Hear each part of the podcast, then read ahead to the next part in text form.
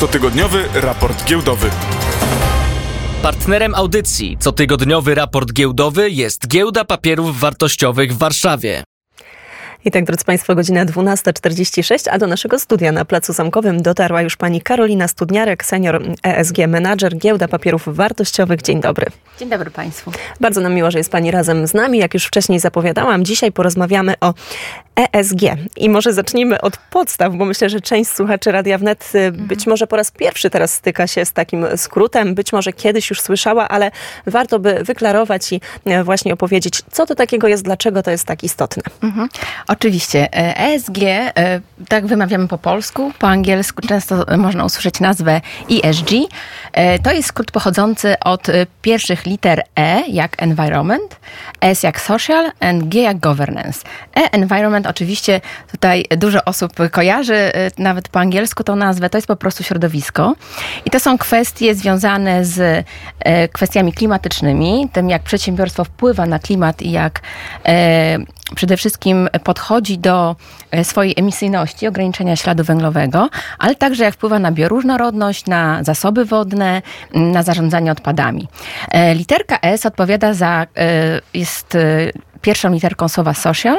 I to są bardziej kwestie związane z pracownikami, z tym jak firma dba o pracowników, e, a także jakie ma relacje ze społeczeństwem, szczególnie społecznością lokalną. Jak wpływa poprzez swoje działanie na społeczność lokalną. I ostatnia literka, literka G, governance, czyli taki ład korporacyjny, czyli to, jak spółka zachowuje się w stosunku do zarządzania swoim biznesem, czy jest uczciwa korporacyjnie, e, czy e, przestrzega zasad antykorupcyjnych, czy płaci należyte podatki i tak dalej, i tak dalej. Czyli jest to takie, można powiedzieć, spojrzenie holistyczne, zdrowe, ale też pożyteczne, bo dzisiaj będziemy rozmawiać trochę o takim kontekście biznesowym, czyli o tym, że te praktyki też przekładają się realnie e, na, na, na dają jakieś plusy w tym wymiarze ekonomicznym. To takie spojrzenie na zarządzanie, jak pani powiedziała, i w aspektach środowiskowych z jednej strony, z drugiej strony społecznych, ale też korporacyjnych, bo to słowo jest, e, jest tutaj ważne. E, no właśnie, na świecie już w wielu, wielu miejscach miejscach. E, tak naprawdę ten trend można powiedzieć, że w, w, jest, jest bardzo znaczący. Jak to wygląda z perspektywy Polski? Mhm. Jeżeli chodzi o rynek polski, to w przeciągu ostatnich e, dwóch lat e, zauważamy znaczne przyspieszenie właśnie we włączaniu czynników ESG do decyzji inwestycyjnych. Tutaj mówimy o w szczególności o rynku kapitałowym. Z naszych badań, które przeprowadziliśmy jako giełda w roku 2022 wynika, że 84% inwestorów instytucjonalnych bierze pod uwagę czynniki ESG, czyli to, w jaki sposób właśnie firma zarządza, zarządza tymi kwestiami, e, można powiedzieć, pozafinansowymi, tym zrównoważonym rozwojem, e, bierze pod uwagę te czynniki właśnie w swoich decyzjach inwestycyjnych, ponieważ wszystkie dane e, pokazują, że w długim okresie czasu firmy, które zarządzają czynnikami ESG, są firmami, które są mniej ryzykowne, ponieważ nie tylko zarządzają liczbami i wynikami, ale również właśnie tymi aspektami poza finansowymi i tak naprawdę rozwijają się w zrównoważony sposób, a przez to też ograniczają y, swoje ryzyko. Na przykład takie ryzyko, jak mm, jakby tutaj podać przykład Państwu, żeby sobie tego zrealizować. Jeżeli spółka nie ma polityki klimatycznej i nie zarządza kwestiami środowiskowymi, a na przykład produkuje y, określone produkty w sposób niezrównoważony i nie dba o na przykład oczyszczanie ścieków, to w pewnym momencie prędzej czy później uzyska jakąś karę z tego tytułu. A to już dla inwestora jest ryzyko, które wpłynie na wyniki finansowe tego przedsiębiorstwa. I to może być jeden bardzo dobry, bo wymierny argument, aby przekonać właściciela takiej spółki, że warto ESG, że warto te aspekty brać pod uwagę, ale jak to wygląda w praktyce? Czy e, tę drogę, którą już przeszło część przedsiębiorców w Polsce, e, czy to była prosta droga? Jakie też Państwo mają narzędzia? Czym się posługujecie, aby mówić tak, jednak kwestia dbania o środowisko, te rzeczy są ważne i mogą realnie wpłynąć też na poprawę działalności całej firmy? Dokładnie. Ja myślę, że w pierwszej kolejności przedsiębiorcy są e, trochę tak antynastawieni do tych kwestii, ponieważ nie widzą tych korzyści. Ale te korzyści nie są tu i teraz, tylko te korzyści pojawiają się za 5, 10, 15 lat, a nawet 30 lat. Oczywiście no to jest też kwestia zarządzania swoją, swoim przedsiębiorstwem i e, tworzenia tych planów inwestycyjnych i planów przychodowych na najbliższe lata.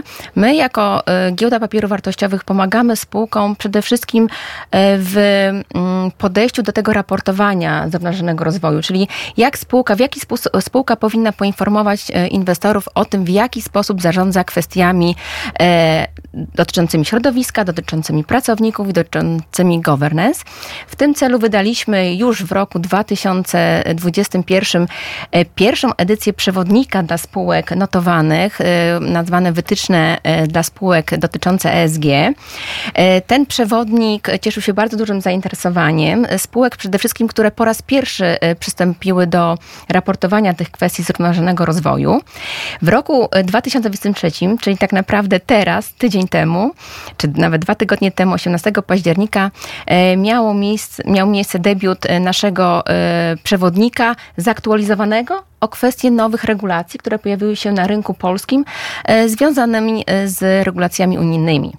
Jest to tak zwana dyrektywa raportowania zrównoważonego rozwoju, w skrócie CCRD, oraz pojawiły się już europejskie standardy raportowania zrównoważonego rozwoju, tak zwane SRS-y. I nasz przewodnik o to właśnie został zaktualizowany. O to, żeby nowym, żeby przedsiębiorcom e, polskim e, pomóc e, raportować właśnie te kwestie zrównoważonego rozwoju na nowych zasadach. Wspomniała Pani o Unii Europejskiej, czyli rozumiem, że Giełda Papierów Wartościowych w tej materii też współpracuje z jakimiś instytucjami z Unii Europejskiej. Kiedy mówimy na przykład właśnie o, mm, o tym dokumencie, to on został stworzony właśnie we współpracy z Europejskim Bankiem. E, tak, on został e, e, stworzony we współpracy z Europejskim Bankiem Odbudowy i Rozwoju i tutaj bardzo ściśle współpracujemy właśnie w tych tematach promowania i wspierania naszego rynku w kwestiach zrównoważonego rozwoju. I to, co tutaj jest e, kluczowe, kiedy mówimy jednak jeszcze o, można powiedzieć, e, nadal nie tak dobrze mm, rozreklamowanej, że takiego słowa użyję, e, czy, czy jakiejś nowości, która pojawia się na rynku, kluczowa jest edukacja. Jak giełda papierów wartościowych przyczynia się właśnie do upowszechniania tej wiedzy? Dokładnie, edukacja jest bardzo ważna. No, z jednej strony oczywiście prowadzimy takie działania promocyjne, jak już mówiłam wcześniej, czy to jest konferencja Warsaw ESG coroczna dla środowiska inwestycyjnego, czy też konkurs Liderzy ESG, gdzie promujemy właśnie dobre praktyki z tego, z tego tematu.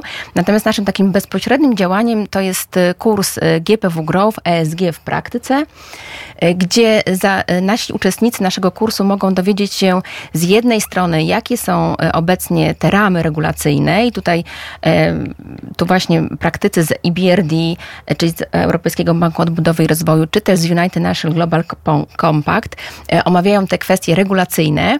Następnie drugi blok jest poświęcony mm, kwestiom już praktycznym, czyli w jaki sposób finansować się poprzez e, czynniki ESG i w jaki sposób banki, czy też e, mm, firmy, które e, inwestycyjne, które inwestują w zielone obligacje, w jaki sposób patrzą na spółki, które chcą skorzystać z tego zrównoważonego finansowania.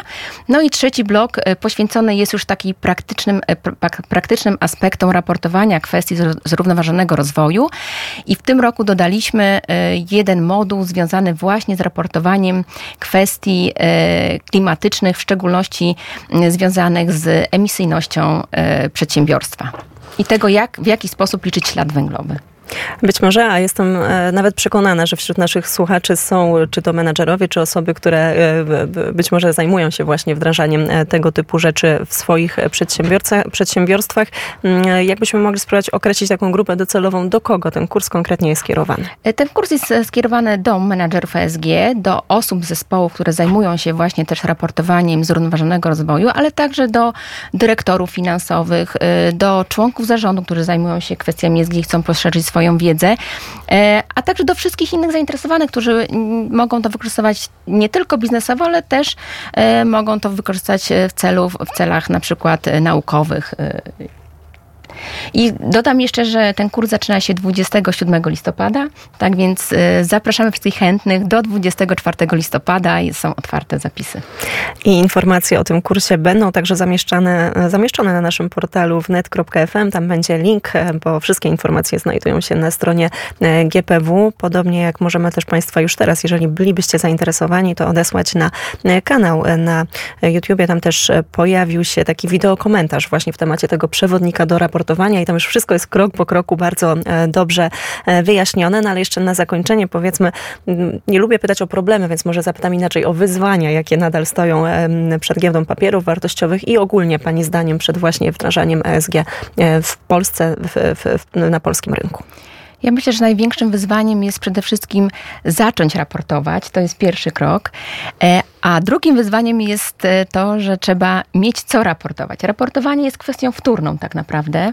Najważniejsze jest to, żeby e, firmy polskie e, w budowaniu swojej strategii biznesowej mm, miały również, włączały właśnie te czynniki ESG w samą strategię biznesową. No bo stworzenie tak naprawdę papierowej strategii ESG nie ma celu, bo to się nie przełoży na budowanie wartości firmy.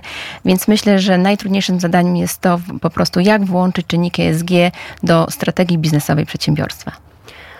Czy macie Państwo jakieś konkretne przykłady, czy to z Polski, czy, czy właśnie ze świata, gdzie to wdrożenie ESG naprawdę spowodowało, że e, firma dużo na tym zyskała? Takie, e, no bo często na tym przykładzie jest naj, najłatwiej przekonać i najłatwiej pokazać. Ja myślę, że takim mm, najlepszym przykładem, który teraz mi przychodzi do głowy, to jest firma Patagonia. E, Jest to firma, która e, jako pierwsza e, wdrożyła takie hasło, że nie trzeba rzeczy wyrzucać, można ją naprawić. Ta firma też działa bardzo na rzecz społeczności lokalnych, no i przede wszystkim rozwija się w zrównoważony sposób i te wszystkie materiały, które stosuje swojej mm, produkcji, są to też materiały, które pochodzą z łańcuchów dostaw, gdzie faktycznie są zachowane te wszystkie kwestie etyczne e, związane na przykład z prawem, e, z e, pracą osób nieletnich. Tam nie ma takiej sytuacji. Wszystkie łańcuchy są przebadane i oni też zwracają bardzo uwagę na to, żeby dostawcom fair płacić i mm, myślę, że to jest bardzo, bardzo dobry przykład takiej firmy, która faktycznie tym się szczyci i ma z roku na rok coraz większe przychody. I mm, właśnie takie przykłady e, na pewno e, będą powodowały, że coraz więcej osób będzie świadomie, bo to też e, i jest przyłożenie ręki do czegoś po prostu dobrego, co służy ogółowi, bo to ma wpływ na naszą codzienność, na nas wszystkich, a jeżeli jeszcze uda się to zamienić na konkretne profity, no to dla każdego przedsiębiorcy jest to jednak no, najczęściej taki punkt numer jeden. Dokładnie tak. Bardzo serdecznie dziękuję pani Karolina Studniarek, senior ESG Manager Giełda Papierów Wartościowych, była gościem Radia Wnet. Dziękuję za rozmowę. Dziękuję bardzo. Cotygodniowy raport giełdowy. Partnerem audycji cotygodniowy raport giełdowy jest Giełda Papierów Wartościowych w Warszawie.